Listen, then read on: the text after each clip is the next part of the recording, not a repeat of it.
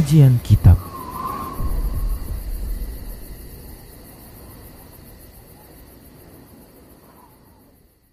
Bismillah, Assalamualaikum warahmatullahi wabarakatuh. Innal hamdalillah Nahmaduhu wa nasta'inuhu wa nastaghfiruh. Wa na'udhu billahi min syururi anfusina wa min sayyiati a'malina. Man yahdihillah fala mudhillalah wa man yudlilhu fala hadiyalah وأشهد أن لا إله إلا الله وحده لا شريك له وأشهد أن محمدا عبده ورسوله صلى الله عليه وسلم. قال الله تبارك وتعالى يا أيها الذين آمنوا اتقوا الله حق تقاته ولا تموتن إلا وأنتم مسلمون. يا أيها الناس اتقوا ربكم الذي خلقكم من نفس واحدة وخلق منها زوجها وبس منهما رجالا كثيرا ونساء. واتقوا الله الذي تساءلون به والأرحام. إن الله كان عليكم رقيبا. يا أيها الذين آمنوا اتقوا الله وقولوا قولا سديدا. يصلح لكم أعمالكم ويغفر لكم ذنوبكم. ومن يطع الله ورسوله فقد فاز فوزا عظيما اما بعد فان اصدق الحديث كتاب الله وخير الهدى هدى رسول الله صلى الله عليه وسلم وشر الامور محدثاتها وكل محدثه بدعه وكل بدعه ضلاله وكل ضلاله في النار Para pemirsa Rasyad TV dan para pendengar Radio Medan Mengaji di mana saja Anda berada rahimani wa rahimakumullah. Alhamdulillah tidak bosan kita senantiasa bersyukur kepada Allah Subhanahu wa taala karena kita tak pernah mendapatkan Allah Subhanahu wa taala bosan ketika memberikan nikmat dan kebaikannya kepada kita. Selawat serta salam tak lupa kita ucapkan untuk nabinya Muhammad sallallahu alaihi wasallam karena nabinya nabi kita Muhammad sallallahu alaihi wasallam tak pernah lupa untuk mengharapkan kebaikan bagi para umatnya. Baik para hamba Allah rahimani wa rahimakumullah. Kita akan menyelesaikan pembahasan rukun iman yang keenam yaitu beriman kepada qada dan qadar Allah, beriman kepada takdir Allah Subhanahu wa taala baik maupun buruknya. Dan sedikit kita mengulang bahwasanya rukun dari beriman kepada takdir Allah Subhanahu wa taala ini ada empat. Yang pertama adalah meyakini dan mengimani bahwa segala sesuatu sebelum terjadinya Allah Subhanahu wa taala mengetahui dengan rinci. Baik itu yang telah berlalu dengan rinciannya maka Allah mengetahuinya maupun yang sedang terjadi dengan rinciannya Allah mengetahuinya dan yang akan terjadi bagaimana terjadi maka Allah mengetahui rinciannya demikian Kemudian yang kedua, yang mengimani bahwa segala sesuatu sebelum terjadinya dicatat oleh Allah Subhanahu wa taala dalam catatannya di Lauhul Mahfud dan di beberapa catatan-catatan yang lainnya. Kemudian yang ketiga adalah Allah Subhanahu wa taala menghendaki terjadinya segala sesuatu ya sebelum terjadinya Allah telah kehendaki dan tidak ada satupun tidak ada satupun dari apa saja yang ada di alam semesta ini yang terjadi dan akan terjadi melainkan itu berdasarkan pengetahuan Allah Subhanahu wa taala, catatan Allah Subhanahu wa taala dan kehendak Allah Subhanahu wa taala. Baru kemudian yang keempat adalah Allah Subhanahu wa taala menciptakan dan menjadikannya sesuai dengan pengetahuan, sesuai dengan catatan dan sesuai dengan kehendak Allah Subhanahu wa taala. Tak ada yang bisa keluar dari pengetahuan catatan sekaligus kehendak Allah Subhanahu wa taala. Baik. Kita akan sempurnakan pembahasan keimanan kepada takdir Allah Subhanahu wa taala ini dengan menyebutkan buah indah atau hikmah fungsi dari beriman kepada takdir Allah Subhanahu wa taala. Yang pertama adalah senantiasa dan tetap terus bersandar kepada Allah Subhanahu wa taala ketika melakukan sebab-sebab yang ditetapkan secara syar'i maupun ditetapkan secara qadari di mana tidak bersandar kepada sebab-sebab tersebut ya secara sendiri ya. Karena segala sesuatu itu berdasarkan takdir Allah Subhanahu wa taala berdasarkan pengetahuan Allah berdasarkan catatan Allah berdasarkan kehendak Allah Subhanahu wa taala demikian ya maka jangan kita bersandar kepada sebab Bahkan bila kita bersandar kepada sebab maka ini adalah kesyirikan. Ya menjadikan sebab itu sebagai tandingan bagi Allah Subhanahu wa taala. Nah, dengan beriman kepada takdir ke, uh, takdir Allah Subhanahu wa taala maka ini akan ya uh, membantu kita untuk terus ya bersandar kepada Allah Subhanahu wa taala ya bersandar kepada Allah Subhanahu wa taala yang menciptakan sebab tersebut ya Baik, ini yang pertama. Kemudian yang kedua, keuntungan, faedah, manfaat, begitu juga hikmah sekaligus buah indah ya. Beriman kepada takdir Allah Subhanahu wa taala adalah tidak merasa takjub dengan diri sendiri ketika mendapatkan apa yang diinginkan ya. Karena sesungguhnya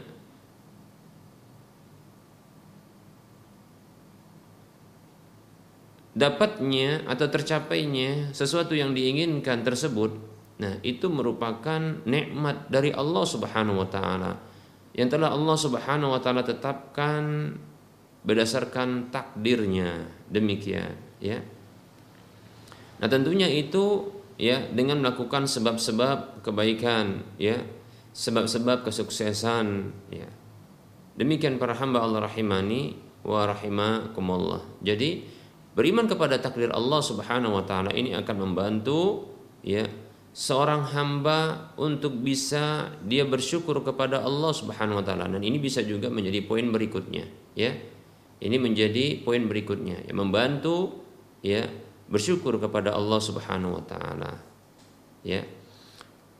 Beriman kepada Allah ini akan ya menghilangkan ya takjub ya kepada diri sendiri Ya karena tentunya takjub kepada diri sendiri ini ketika mendapatkan apa yang diinginkan dan apa yang diharapkan, maka ini akan membuat lupa untuk bersyukur kepada Allah Subhanahu wa taala, ya.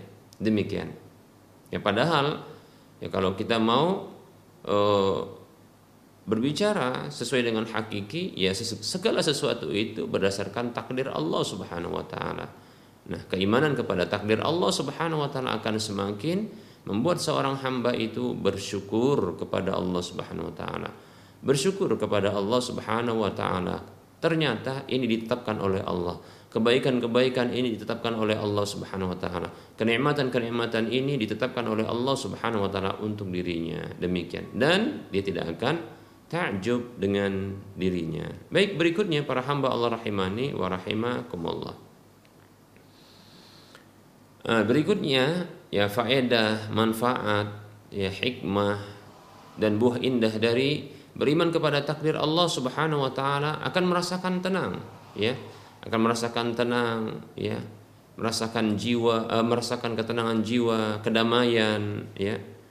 Dengan apa yang akan mengalir ya, apa yang terjadi, apa yang sedang dan akan terjadi dari takdir-takdir Allah Subhanahu wa taala. Ya, tidak menggugat Allah Subhanahu wa taala, tidak marah dan murka kepada Allah Subhanahu wa taala dengan hilangnya sesuatu yang disukai ya atau terjadinya sesuatu yang dibenci. Demikian. Karena hal itu semua adalah berdasarkan takdir Allah Subhanahu wa taala zat yang menguasai ya segala sesuatu. Alam semesta jagat raya langit dan bumi. Demikian. Allah Subhanahu wa taala berfirman di dalam surah Al-Hadid di ayat yang ke-22 dan 23 Allah mengatakan a'udzu billahi minasyaitonir rajim ma asaba min musibatin fil ardi wala fi anfusikum illa fi kitabin min qabli an nabra'aha. Inna dzalika 'ala Allah yasir. Likai la ta'sau 'ala ma fatakum wa la tafrahu bima atakum. Wallahu yuhibbu wallahu la yuhibbu kulla mukhtalin fakhur. Allah Subhanahu wa taala berfirman tidaklah ada satupun musibah yang menimpa di langit dan di bumi.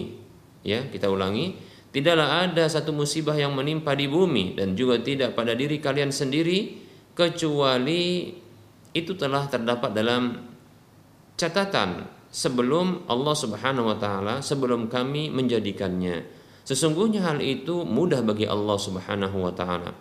Agar kalian tidak berputus asa atas apa yang telah luput dari kalian dan kalian tidak akan berbangga ya dengan apa yang datang kepada kalian. Dan Allah Subhanahu wa taala tidak menyukai setiap orang yang sombong lagi angkuh demikian. Baik para hamba Allah rahimani wa rahimakumullah. Nah, ini dia. Ya. Jadi ketika kita mengimani takdir Allah Subhanahu wa taala bahwasanya segala sesuatu ini telah diketahui oleh Allah, dicatat oleh Allah, dikehendaki oleh Allah Subhanahu wa taala sebelum Allah menjadikannya, kemudian Allah menjadikannya, maka hal ini akan membantu seorang hamba ya untuk dia bisa mendapatkan ketenangan, mendapatkan kedamaian dalam hatinya ya. Ketika sesuatu yang dicintai itu hilang darinya, luput darinya, atau sesuatu yang dibenci itu datang kepadanya, ya, menghampirinya, demikian, ya. Baik para hamba Allah dan tentunya hal itu merupakan ya kemarahan, ya, maksudnya kemarahan itu, ya, kemudian e, gugatan itu ini merupakan bentuk kesombongan dan keangkuhan kepada Allah Subhanahu wa taala. Baik para hamba Allah rahimani wa rahimakumullah. Nah, di antara hikmah, di antara faedah, di antara manfaat ya, buah indah dari beriman kepada takdir Allah Subhanahu wa taala ya adalah ya sifat kesabaran yang muncul pada diri seorang hamba ya dia sabar ya dengan uh, takdir yang telah Allah Subhanahu wa taala tetapkan ya. Karena tak akan bisa terelak darinya ya. Sesuatu apa yang telah Allah takdirkan itu tidak akan bisa ya uh, luput darinya demikian. Bahkan sesuatu yang dikejarnya yaitu tak akan bisa didapatkan ya bila Allah tak menghendakinya demikian. Maka yang seperti ini membuat dirinya sabar ya sabar senantiasa ya di dalam ketaatan, sabar senantiasa menjauhi larangan, sabar senantiasa terhadap musibah-musibah yang menimpa. Ya.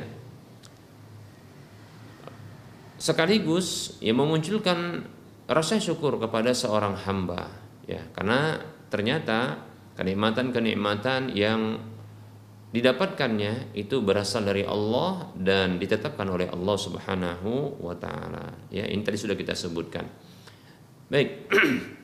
Rasulullah Shallallahu alaihi wasallam merasa takjub ya dengan uh, sif, kedua sifat ini, itu sifat sabar dan sifat uh, syukur demikian.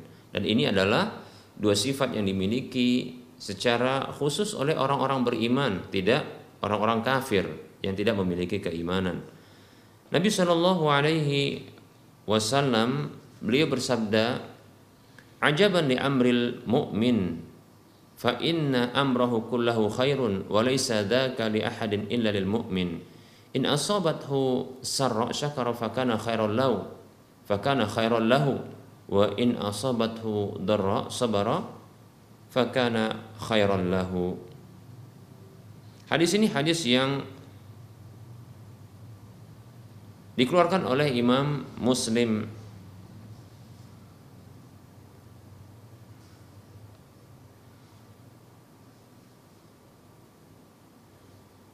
Rasulullah Shallallahu Alaihi Wasallam bersabda, sungguh menakjubkan perkara orang beriman itu, karena sesungguhnya setiap perihalnya, setiap perkaranya adalah baik baginya. Setiap perkaranya adalah baik, ya. Dan itu tidak akan terjadi dan tidak akan berlaku bagi seorang pun kecuali bagi seorang beriman. Bagi seorang beriman. Masya Allah ya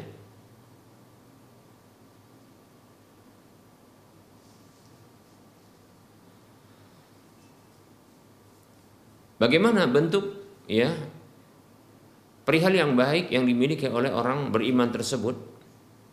Ya seorang mukmin ya bahkan setiap manusia tentunya di dalam kehidupannya ada hal-hal yang menyenangkan yang telah Allah tetapkan untuknya. Sebagaimana juga ada hal-hal yang yang eh, menyusahkannya tidak membahagiakannya yang menimpanya Allah tetapkan hal itu kepadanya maka untuk dua kondisi ini yang silih berganti ya datang kepadanya. Nah, ini dihadapi dua dengan dua hal yang menjadi sebab takjubnya Nabi Shallallahu Alaihi Wasallam, yaitu disebutkan oleh Nabi Shallallahu Alaihi Wasallam, in asabathu sarra apabila perkara-perkara yang menyenangkan, perkara-perkara yang membahagiakan, perkara-perkara yang lapang, ya, maka itu datang kepadanya apabila datang kepadanya maka dia bersyukur. Syakara fakana khairul lahu. Maka tentu itu adalah baik baginya ya. Yaitu syukur itu baik baginya. Bersyukur atas ya kenikmatan demikian berikutnya wa in asabathu darra namun apabila dia ditimpa ya oleh kemudaratan-kemudaratan ditimpa oleh penderitaan-penderitaan, kesempitan-kesempitan, kesusahan-kesusahan, ya, keburukan-keburukan. Maka sabar, dia bersabar. Fakana khairullah, maka itu baik baginya. Sabar itu baik baginya demikian. Jadi syukur dan sabar, ya, ini adalah dua hal yang menjadi sifat yang silih berganti yang dimiliki oleh seorang mukmin dalam kehidupannya untuk menghadapi dua kondisi yang silih berganti pula datang kepadanya. Kebaikan dan keburukan, kebahagiaan dan penderitaan, ya. Kelapangan dan kesempitan, kesenangan dan kesusahan dan seterusnya, ya. Itu dihadapi dengan ya dua sikap dan dua sifat ini yaitu syukur dan sabar, sabar dan syukur. Jadi seorang beriman, seorang yang beriman, maka dia bisa bersyukur tatkala diberi dan bisa bersabar tatkala diuji. Demikian para hamba Allah rahimani wa rahimakumullah. Bahkan ya orang beriman itu ya dia bisa memohon ampun kembali kepada Allah tatkala dia berdosa. Bahkan ketiga hal inilah ya sifat ketiga hal ini atau Eh, ketiga sifat ini, ketiga sikap ini, inilah yang membuat ya seorang mukmin itu ya bahagia. Karena ketiga hal ini merupakan tanda-tanda kebahagiaan yang dimiliki oleh seorang hamba. Ya, yaitu bersyukur tatkala diberi, bersabar tatkala diuji, ya. Kemudian beristighfar dan bertobat kepada Allah tatkala dia jatuh ke dalam dosa ya baik para hamba Allah rahimani wa rahimakumullah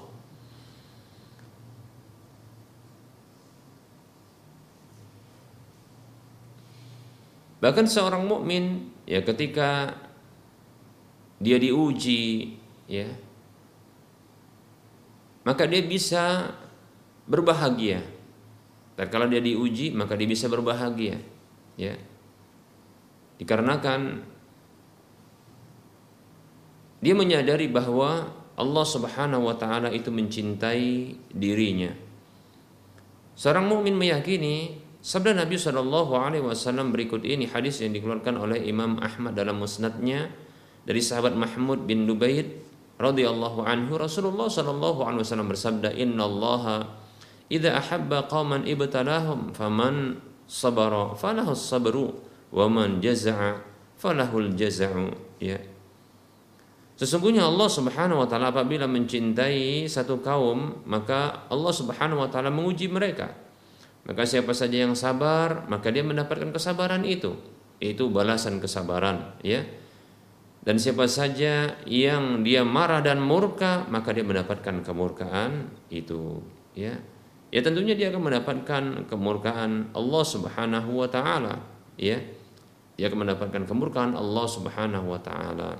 Ya, dalam hadis yang lain, hadis yang dikeluarkan oleh Imam Tirmidzi demikian pula Ibnu Majah dari sahabat Anas bin Malik radhiyallahu anhu dihasankan oleh Syekh Al-Albani rahimahullahu taala dalam Sahihul Jami' Di nomor urut hadis 2110 Rasulullah sallallahu alaihi wasallam bersabda, "Inna 'idhamal jazai ma'idhamil bala'i."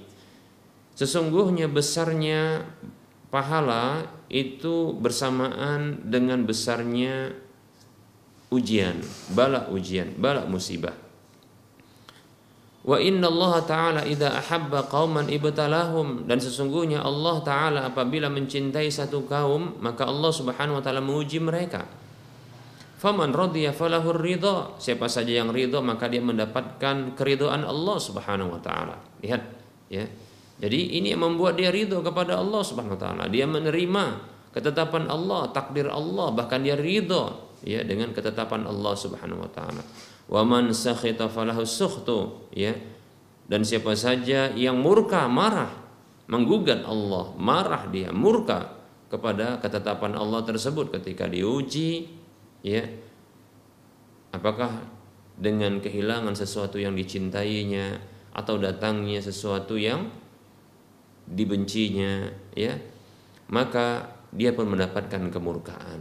Dia mendapatkan kemarahan ya Semoga Allah Subhanahu wa taala menjadikan kita hamba-hambanya yang senantiasa sabar ya. Ya, sabar tatkala diuji. Demikian para hamba Allah rahimani wa rahimakumullah.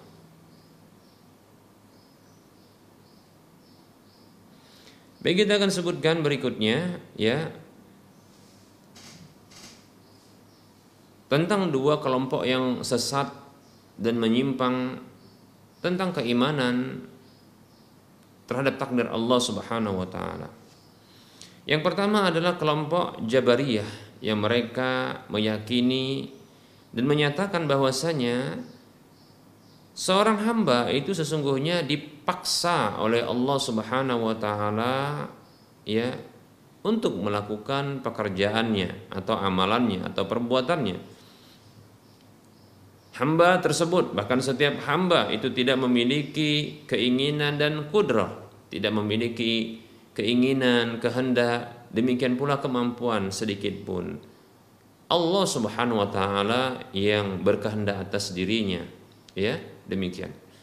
Jadi hamba itu hanyalah ya makhluk yang dipaksa ya bagaikan robot yang diarahkan dengan remote ya begitu juga bagaikan wayang yang diarahkan oleh dalang seperti itu. Baik para hamba Allah rahimani wa rahimakumullah ini kelompok yang pertama yaitu jabariyah. Dari kata jabar yaitu memaksa. Kemudian yang kedua ya adalah qadariyah kelompok qadariyah yang mereka meyakini dan menyatakan bahwa setiap hamba mereka ini berdiri sendiri dengan amalnya, ya, dengan perbuatannya, dengan pekerjaannya, ya. Di dalam keinginan serta kemampuan di dalam melakukan perbuatannya tersebut. Tidak ada campur tangan Allah Subhanahu wa taala ya sedikit pun di dalam ya ke, kewenangan, keinginan dan ya kehendak serta kemampuan hamba tersebut di dalam melakukan apa saja ya. Jadi tidak ada pengaruh sedikit pun ya takdir Allah. Pengetahuan Allah bahkan Allah tidak tahu. Allah subhanahu tidak mencatatnya. Allah subhanahu wa taala tidak ya menghendakinya ya. Itu tidak menghendaki ya perbuatan-perbuatan hamba tersebut. Jadi menurut mereka kelompok qadariyah ini ya hamba ini berdiri sendiri ya di dalam keinginan begitu juga di dalam kemampuan menghadirkan perbuatannya demikian. Tidak ada kewenangan campur tangan Allah Subhanahu wa taala sedikit pun. Tidak ada takdir Allah, tidak ada pengaruh sedikit pun ya eh, takdir Allah di dalam perbuatan-perbuatan para hamba. Baik para hamba Allah rahimani wa.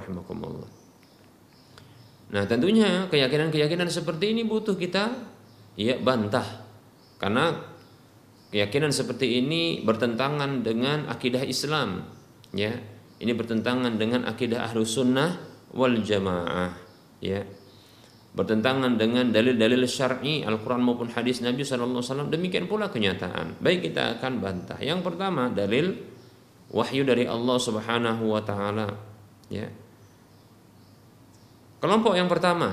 Nah, kelompok yang pertama kelompok Jabariyah yang tadi mengatakan bahwasanya makhluk itu semuanya dipaksa. Ya. Mereka tidak memiliki kehendak dan kemampuan untuk melakukan perbuatannya. Ya. Allah memaksa mereka. Ya, Allah bagaikan dalang bagi wayang. Allah SWT ya bagikan orang yang memegang remote ya eh, bagi robot. Demikian seperti itu.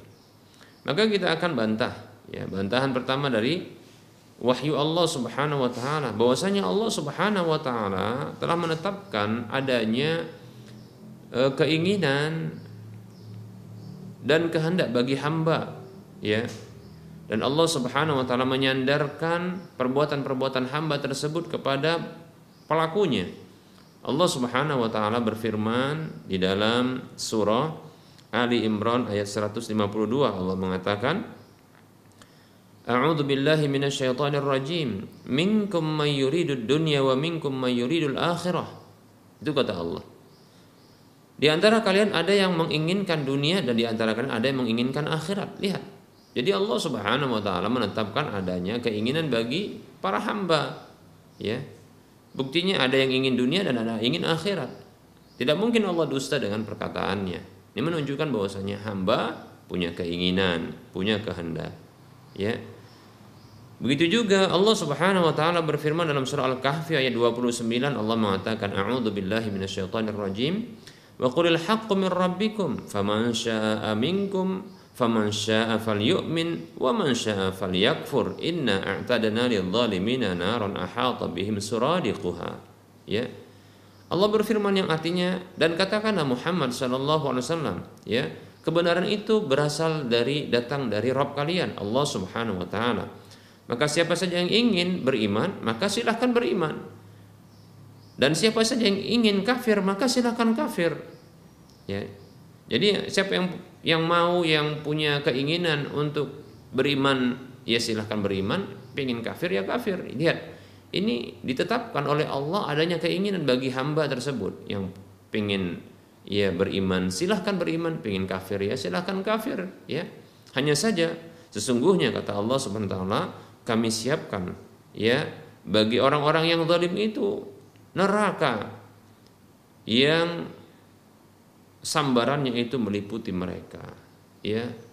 Baik para hamba Allah rahimani yang nyalanya itu meliputi mereka. Lihat.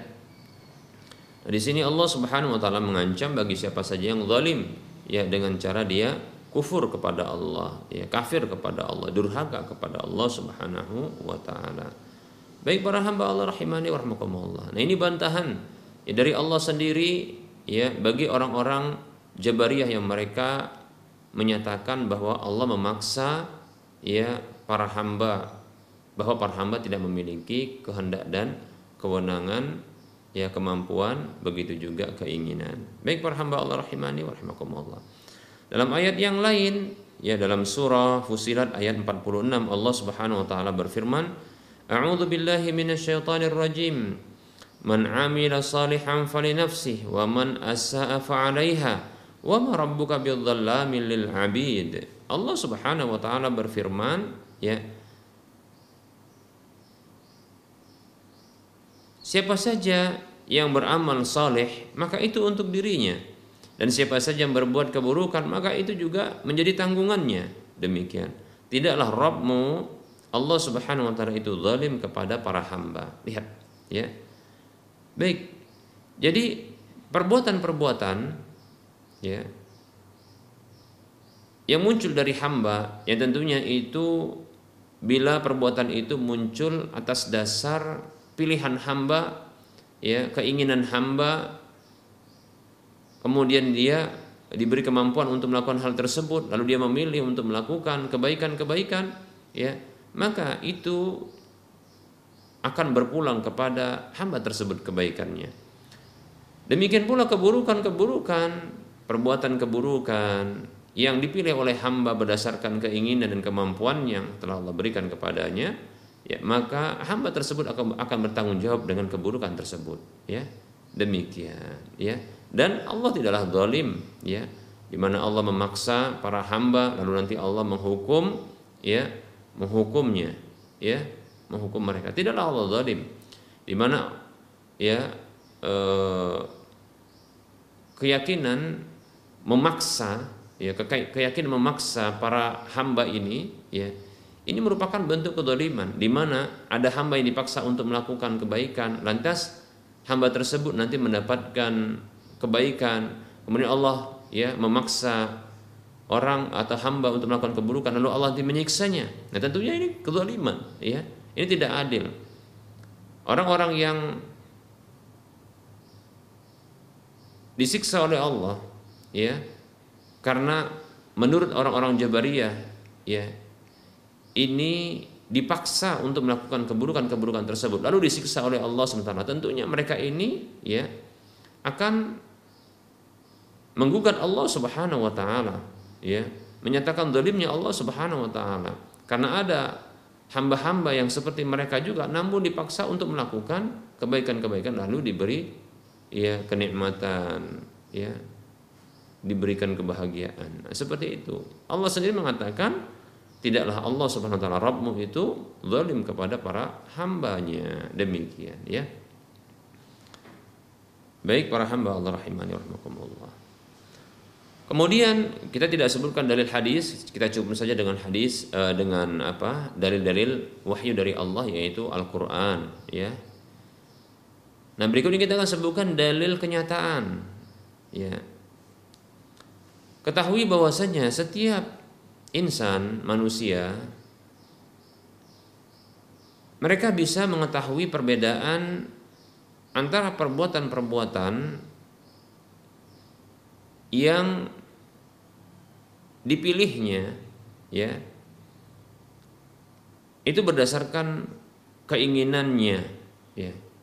Para hamba itu mengetahui yang demikian ya.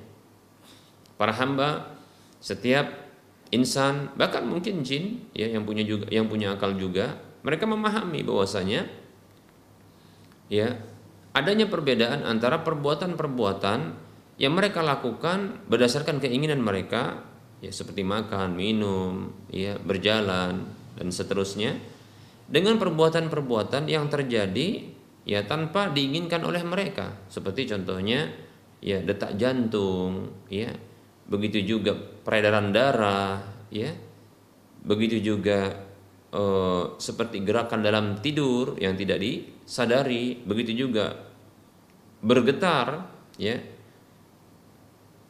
ya gemetaran ketika ketakutan, seperti itu juga eh, ketika demam, ya, dan seterusnya, ya. Ini mereka mampu bedakan di mana perbuatan-perbuatan yang berdasarkan keinginan mereka itu mereka lakukan ya itu tentunya atas pilihan mereka. Mereka mengetahui hal tersebut ya. Kemudian mereka menyadarinya. Kemudian mereka menginginkannya sehingga akhirnya mereka memilihnya untuk melakukannya. Berdasarkan kemampuan yang telah Allah berikan kepada mereka. Demikian ya. Tanpa mereka dipaksa untuk melakukan hal tersebut ya. Adapun perbuatan-perbuatan yang tidak berdasarkan keinginan mereka seperti tadi kita katakan gemetaran ketika ketakutan atau ketika e, mengalami panas yang tinggi ya begitu juga detak jantung, peredaran darah. Ini adalah perbuatan yang tidak bisa mereka elakkan dan ini bukanlah sesuatu yang mereka bisa tolak atau mereka inginkan untuk terjadinya, ya. Demikian, ya. Karena mereka dipaksa untuk hal seperti ini, sesuatu yang mereka ya tidak bisa e, memiliki pilihan dalam hal ini karena Allah telah tetapkan untuk diri mereka. Demikian, ya. Nah, ini kenyataan, ya. Dan tidak fair, ya, tidak adil kalau seandainya dipaksa apa namanya e, meyakini semua hal ya perbuatan-perbuatan itu adalah paksaan dari Allah Subhanahu wa taala. Sementara ya kenyataannya dan ini berdasarkan akal manusia ya ini terbedakan ya sendiri ya di mana ada perbuatan-perbuatan yang muncul berdasarkan pilihan dan keinginan kemudian ada yang tidak berdasarkan keinginan dan pilihan kita. Demikian ya. Maka tidak boleh untuk dipukul rata bahwasanya itu adalah dipaksa oleh Allah Subhanahu wa taala. Baik. Kemudian bantahan untuk kelompok yang kedua. Kelompok menyimpang yang kedua yaitu qadariyah yang mereka meyakini dan menyatakan bahwa para hamba semuanya mereka itu ya bersendirian di dalam perbuatan-perbuatannya ya. Bahwasanya perbuatan itu atas dasar keinginan dan kemampuan yang tidak ada sedikit pun campur tangan Allah Subhanahu wa taala ya yang tidak ada pengaruhnya takdir Allah padanya. Demikian ya. Maka bantahannya secara dalil wahyu Allah Subhanahu wa taala yang pertama ya bahwasanya Allah Subhanahu wa taala menciptakan segala sesuatu dan segala sesuatu itu terjadi berdasarkan kehendak Allah Subhanahu wa taala. Allah Subhanahu wa taala menjelaskan di dalam Al-Qur'an bahwasanya perbuatan para hamba itu terjadi berdasarkan kehendak Allah Subhanahu wa taala. Allah Subhanahu wa taala berfirman di dalam surah Al-Baqarah ayat 253 Allah mengatakan A'udzu billahi minasyaitonir rajim. Walau syaa Allahu ma qatatala alladziina min ba'dihi min ba'di ma ja'atuhumul bayyinatu walakin ikhtalafu faminhum man amana wa minhum man kafara walau syaa Allahu ma qatatalu walakinnallaha yaf'alu ma yurid. Allah berfirman andaikan Allah menghendaki tentulah mereka orang-orang setelah mereka itu ya tidak akan saling bunuh ya setelah datang penjelasan-penjelasan kepada mereka. Akan tetapi mereka itu tetap berselisih. Di antara mereka ada yang beriman di antara mereka juga ada yang kufur. Andaikan Allah Subhanahu wa taala menghendaki tentulah mereka tidak akan saling berperang atau membunuh akan tetapi Allah memberlakukan apa yang dia inginkan. Lihat ya. Nah ini ya berdasarkan ketetapan Allah Subhanahu wa taala ya. Dalam ayat yang lain ya Allah Subhanahu wa taala berfirman dalam surah As-Sajdah ayat 13 Allah mengatakan a'udzu billahi minasyaitonir rajim walau syi'na la ataina kulla nafsin hudaha walakin haqqal qawlu minni la amla anna jahannama minal jinnati wan nasi ajma'in. Allah Subhanahu wa taala berfirman andaikan kami kehendaki tentulah kami datangkan setiap jiwa itu petunjuknya. Akan tetapi telah berlaku ketetapan dariku kata Allah sungguh aku akan penuhi neraka jahanam itu ya dari jin dan manusia semuanya demikian ya baik para hamba Allah rahimani wa rahimakumullah nah ini ya ancaman Allah Subhanahu wa taala bagi siapa saja yang mereka ini yang menyalahi petunjuk yang telah Allah Subhanahu wa taala berikan kepada mereka demikian. Dan ini menunjukkan Allah Subhanahu wa taala yang menghendaki ya segala sesuatu yang terjadi pada makhluk. Baik para hamba Allah rahimani wa rahimakumullah. Berikutnya kita akan sebutkan dalil akal ya. Untuk membantah kelompok Qadariyah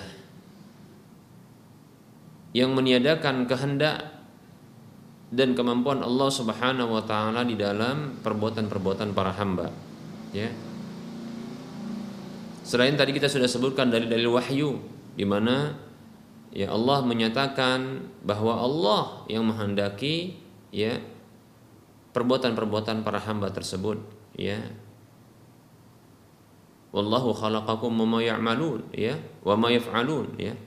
Dan Allah Subhanahu wa taala ya menciptakan kalian dan apa saja yang kalian lakukan ya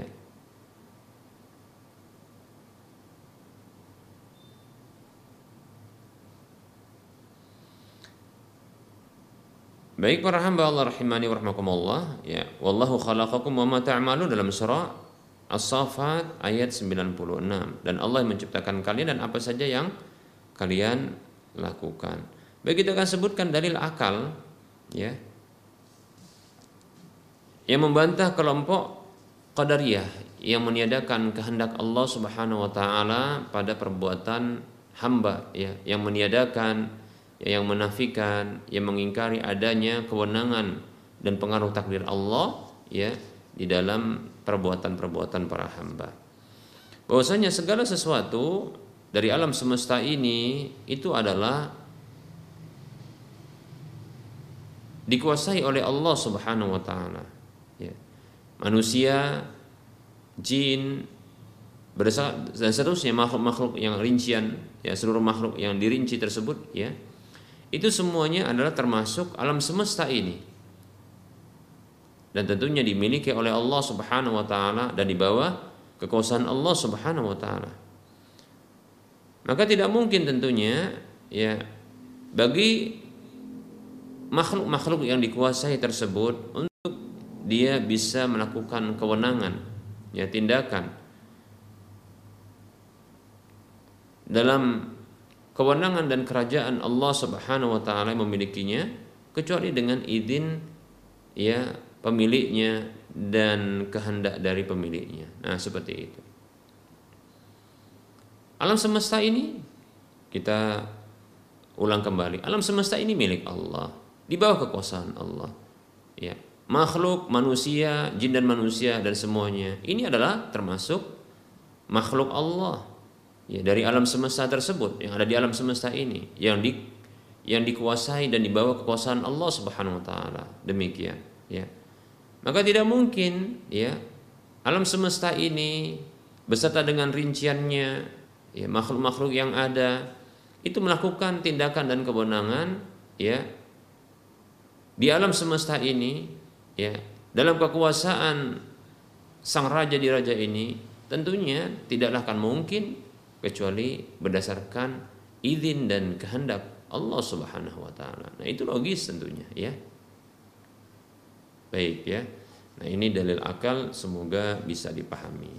Baik, ya kita cukupkan ya eh, penyampaian materi kita pada pertemuan kali ini insya Allah taala kita akan lanjutkan pada waktu mendatang ya dengan pembahasan yang baru karena sudah selesai pembahasan tentang rukun iman ya Baik. Kita masuki sesi soal jawab ya, kita masuki sesi soal jawab bagi para pemirsa yang ingin berinteraksi langsung silahkan hubungi nomor telepon layanan kami di nomor 0822 8888 6630 ya. Baik, adapun yang ingin bertanya lewat chatting WhatsApp maka silahkan hubungi nomor 0852 6190 4177. Baik, kita mencoba untuk menjawab pertanyaan yang telah masuk.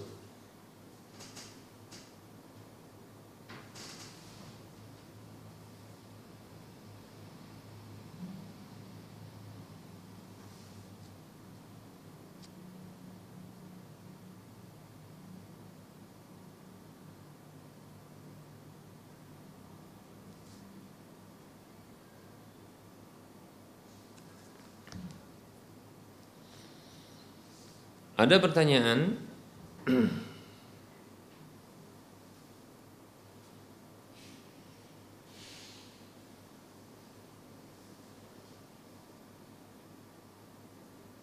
Bagaimana Ustadz hukum mencetak foto? Apakah misalnya kita mencetak foto foto seperti tugas sekolah atau kuliah ya atau pekerjaan atau usaha yang ada fotonya. Di mana foto tersebut tidak dipajang melainkan untuk bukti-bukti laporan pekerjaan. Ya. Apakah itu termasuk yang darurat Ustadz Baik.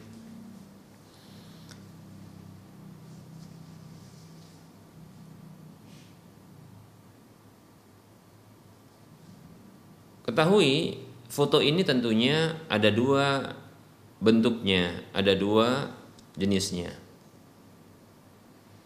Foto itu tentunya ada dua e, bentuknya. Pertama adalah foto dari makhluk-makhluk yang tidak bernyawa. Ya, seperti contohnya foto bangunan, foto pemandangan, ya, foto alat-alat transportasi, ya, atau foto-foto yang lainnya yang jelas yang tidak memiliki uh, nyawa, ya Kemudian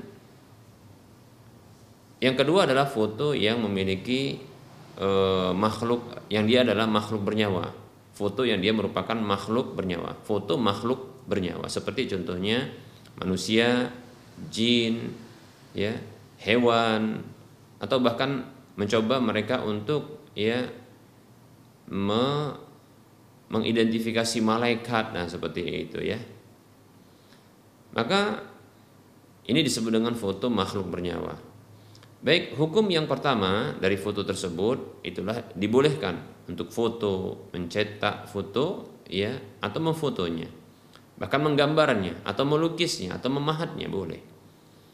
Namun ya untuk foto dari makhluk bernyawa kita ulangi yang pertama hukumnya tidak mengapa ya karena tidak ada dalil larangannya. Kemudian untuk yang kedua itu foto makhluk bernyawa maka sedikit kita sampaikan barangkali juga pernah disampaikan bahwasanya ya eh, gambar ya. Makhluk bernyawa ini ada dua bentuknya. Yang pertama adalah gambar yang dibuat dengan tangan. Ya seperti dipahat dilukis ya. Atau dibentuk ya. Apakah itu e, lewat tanah-tanah liat ya begitu.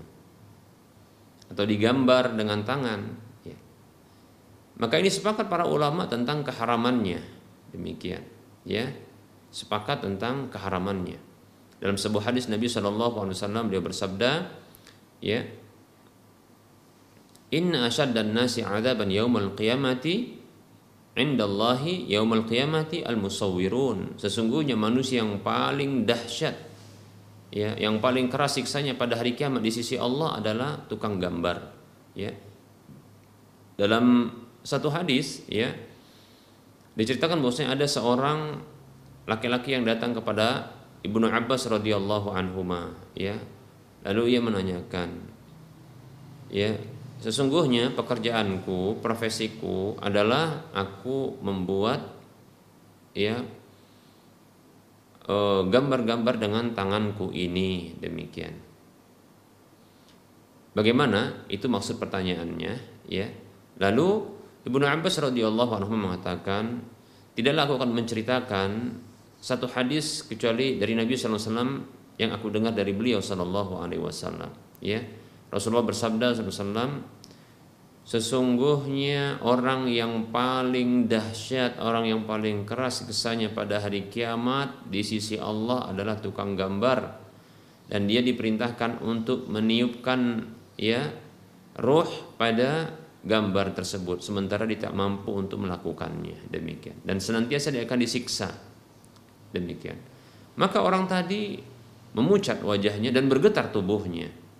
Maka Ibnu Abbas radhiyallahu anhu mengatakan, "Celaka kamu, ya.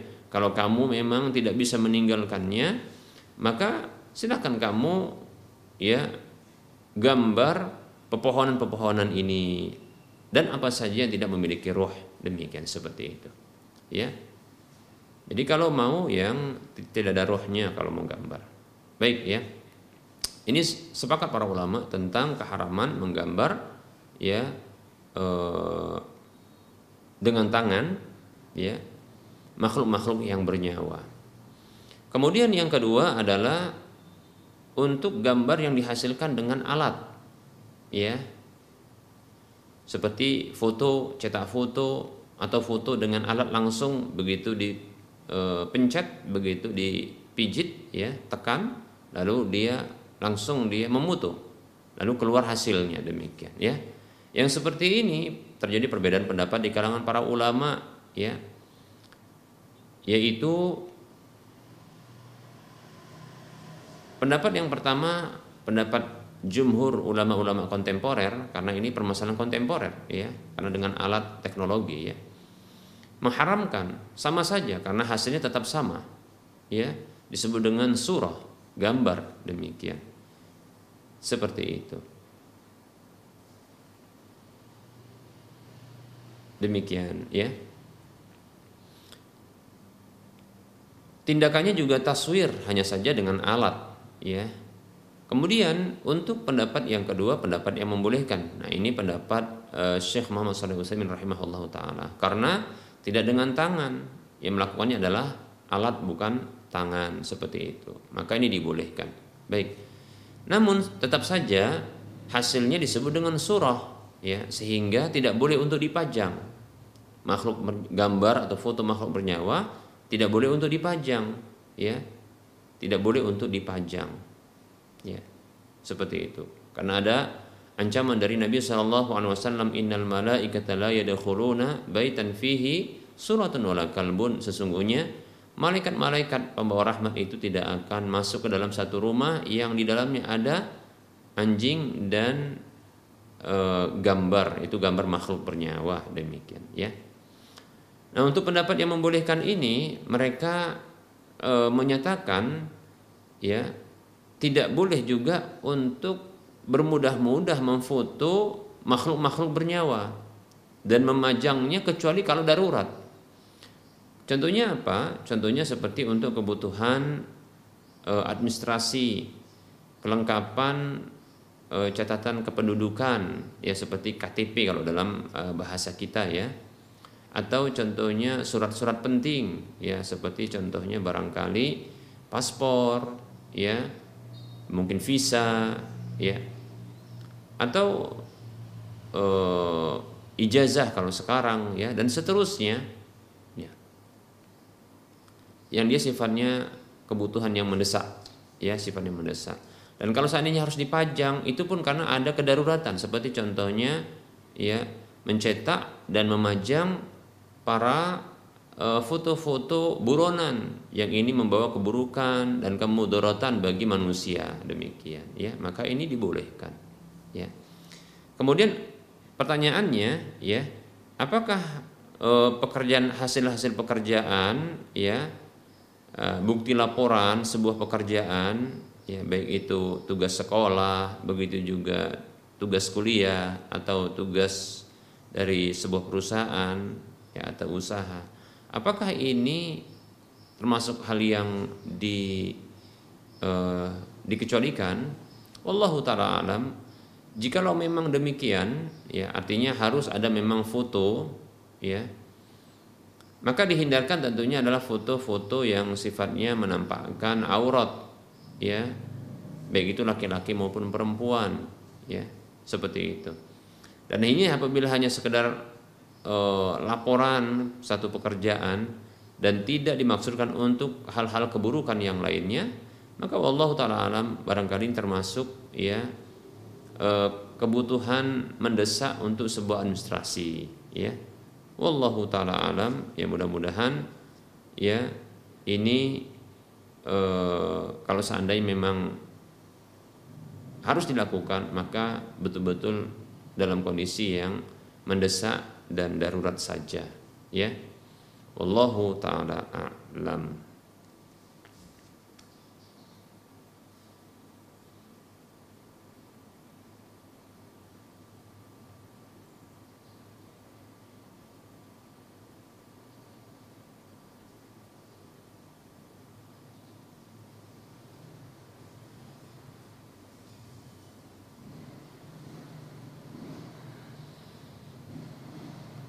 Baik.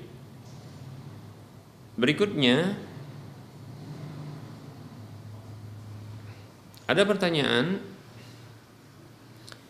Bismillah, Assalamualaikum. Ustadz, ada pertanyaan dari teman. Ya, bolehkah berpuasa di hari di luar dari hari yang disunahkan?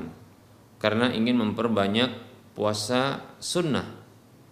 Karena juga ada penyakit Misalnya setelah puasa, maksudnya e, misalnya bukan penyakitnya, yaitu misalnya puasanya itu dilakukan e, setelah hari Senin dan e, Kamis itu di hari yang lain. Baik, ya.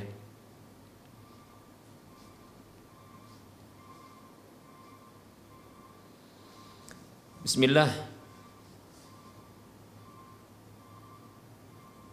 Rasulullah Shallallahu Alaihi Wasallam ya pernah menyatakan kepada Abdullah bin Amr radhiyallahu anhu yang ia bertekad untuk puasa setiap hari ya. Rasul mengatakan ya kepadanya yang dia bertekad untuk sholat malam ya tanpa tidur kemudian puasa setiap hari. Maka Rasulullah mengatakan kepadanya ya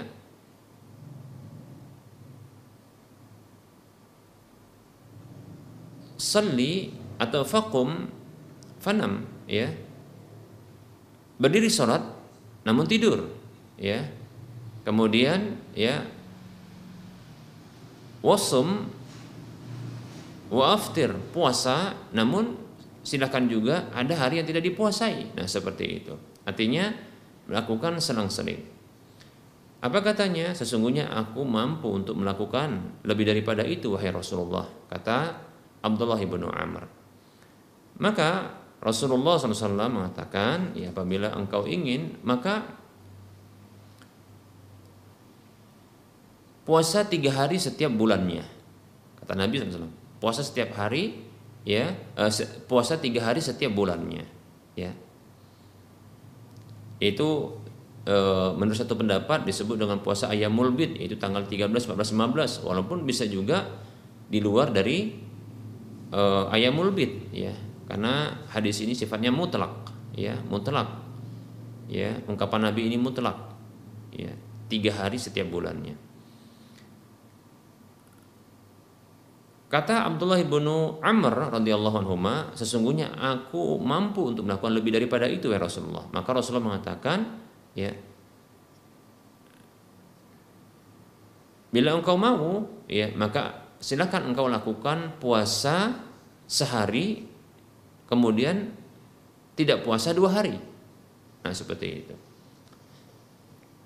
Puasa sehari kemudian tidak puasa dua hari. Ya. Sum yauman wa aftir yaumaini. Begitu kata Nabi.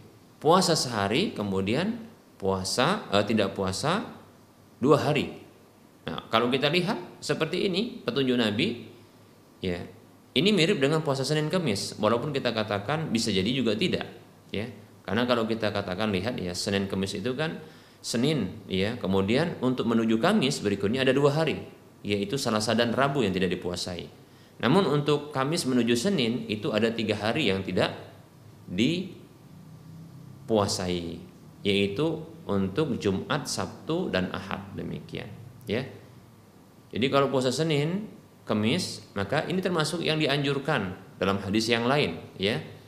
Tapi dalam hadis ini itu disebutkan puasa sehari kemudian dua hari tidak dipuasai demikian. Maka ini sifatnya umum. Kalau pertanyaannya tadi boleh nggak menambah yang eh, hari-hari lain? Maka ini boleh. Ya. Contohnya puasa di hari Ahad. Nah, tidak boleh menyendirikan puasa ya di hari Jumat ya karena Nabi SAW bersabda la yasum ahadukum yaumal jumu'ati illa an yasuma qablahu au yasuma ba'dahu. Atau kama qala sallallahu alaihi wasallam. Kata Nabi SAW, ya ini hadis riwayat Bukhari Muslim kalau tidak salah. Ya. Janganlah salah seorang di antara kalian itu berpuasa di hari Jumat kecuali ya dia puasa sebelumnya atau dia puasa setelahnya demikian. Jadi tidak boleh secara khusus mempuasai hari Jumat demikian ya. Kalau mau puasa maka diringi dengan puasa sebelumnya ya begitu juga puasa setelahnya. Adapun menyendirikan puasa di hari Jumat maka ini tidak boleh karena hadisnya sahih ya. Demikian pula ada satu pendapat yang e, melarang untuk puasa secara menyendiri di hari Sabtu walaupun sebagian ulama mendoifkan hadis tersebut. Wallahu taala alam sebaiknya memang dihindari ya. Kalau memang e, terjadi ya, kalau memang ingin melakukannya. Ya, jadi insya Allah boleh. Kita lanjutkan hadis yang tadi. Abdullah ibnu Amr mengatakan sesungguhnya ya aku mampu untuk melakukan lebih daripada itu ya Rasulullah. Maka Rasul mengatakan ya berpuasalah sehari ya sum fasum yoman wa aftir yoman puasa sehari kemudian tidak puasa sehari. Wadhalika saumu Daud alaihissalam. Itu adalah puasanya Nabi Daud alaihissalam. Dan itu adalah puasa yang paling afdal. Ya. Apa kata Abdullah bin Amr? Sesungguhnya aku mampu untuk melakukan lebih daripada itu. Maka Rasul mengatakan tidak ada yang lebih afdal ya ketimbang puasa Nabi Daud tersebut. Oh kama qala sallallahu alaihi demikian ya. Ya kalau mau silahkan ya puasa sehari puasa uh, sehari tidak begitu bergantian demikian. Jadi kalau mau menambah Senin, puasa Senin dan Kamis maka silahkan puasa Daud saja. Puasa Daud ya. Contohnya seperti ini ya. Sen, uh, hari Senin puasa kemudian Selasa tidak. Rabu puasa Kamis tidak ya. Seperti itu. Kemudian untuk Jumat sebaiknya Jumat ya itu diiringkan dengan Sabtu kalau mau dipuasai ya untuk memperhatikan sabda Nabi tadi yang larangan puasa hari Jumat. Jadi Sabtu eh, Jumat Sabtu dipuasai kemudian eh, Ahad tidak Senin lagi nanti balik seperti itu puasa ya. Itu lebih bagus insyaallah taala. Wallahu taala a'lam.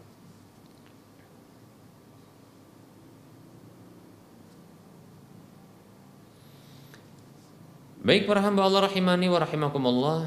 Uh, Sepertinya kita cukupkan saja terlebih dahulu kajian kita ini Ya karena sudah mendekati atau bahkan sudah masuk waktu sholat Zuhur untuk wilayah Medan dan sekitarnya. Tentunya dalam penyampaian ini dari awal sampai akhirnya terdapat kekurangan, kesalahan dan kekeliruan. Kebenaran itu datang dari Allah Subhanahu wa taala maka ambillah kesalahan, kekeliruan dan ke Kurangan itu berasal dari saya pribadi dimisikan syaitan. Kebenaran silahkan ambil, kesalahan dan kekurangan, ya keliruan maka itu tinggalkan. Kepada Allah saya mohon ampun dan kepada para pemirsa sekalian saya mohon maaf, ya. Dan sebelum berakhir seperti biasa kita akan memberikan motivasi kepada saudara-saudara seiman, para pemirsa sekalian dan para pendengar, mari kita berdonasi ya dengan harta kita ya yang dengannya kita akan mendapatkan pahala yang mengalir terus setelah wafatnya kita. Bahkan dalam kondisi kita masih hidup. Apabila dimanfaatkan ya. Jadi apabila kita mengeluarkan harta saja mengeluarkannya ini mendapatkan pahala. Begitu nanti dimanfaatkan maka kita akan mendapatkan pahala yang mengalir. Demikian ya. Maka silahkan arahkan ya untuk membebaskan lahan yang nantinya akan dibangun Masjid Al-Muwahhidin untuk wilayah Medan dan sekitarnya. Silakan arahkan ke Bank Syariah Mandiri dan atau Bank Syariah Indonesia di nomor 71274855555 atas nama Yayasan Lajana Dakwah Medan kode bank 451. Saya ulangi, Bank Syariah Mandiri, Bank Syariah Indonesia 71274855555 atas nama Yayasan Lajana Dakwah Medan kode bank 451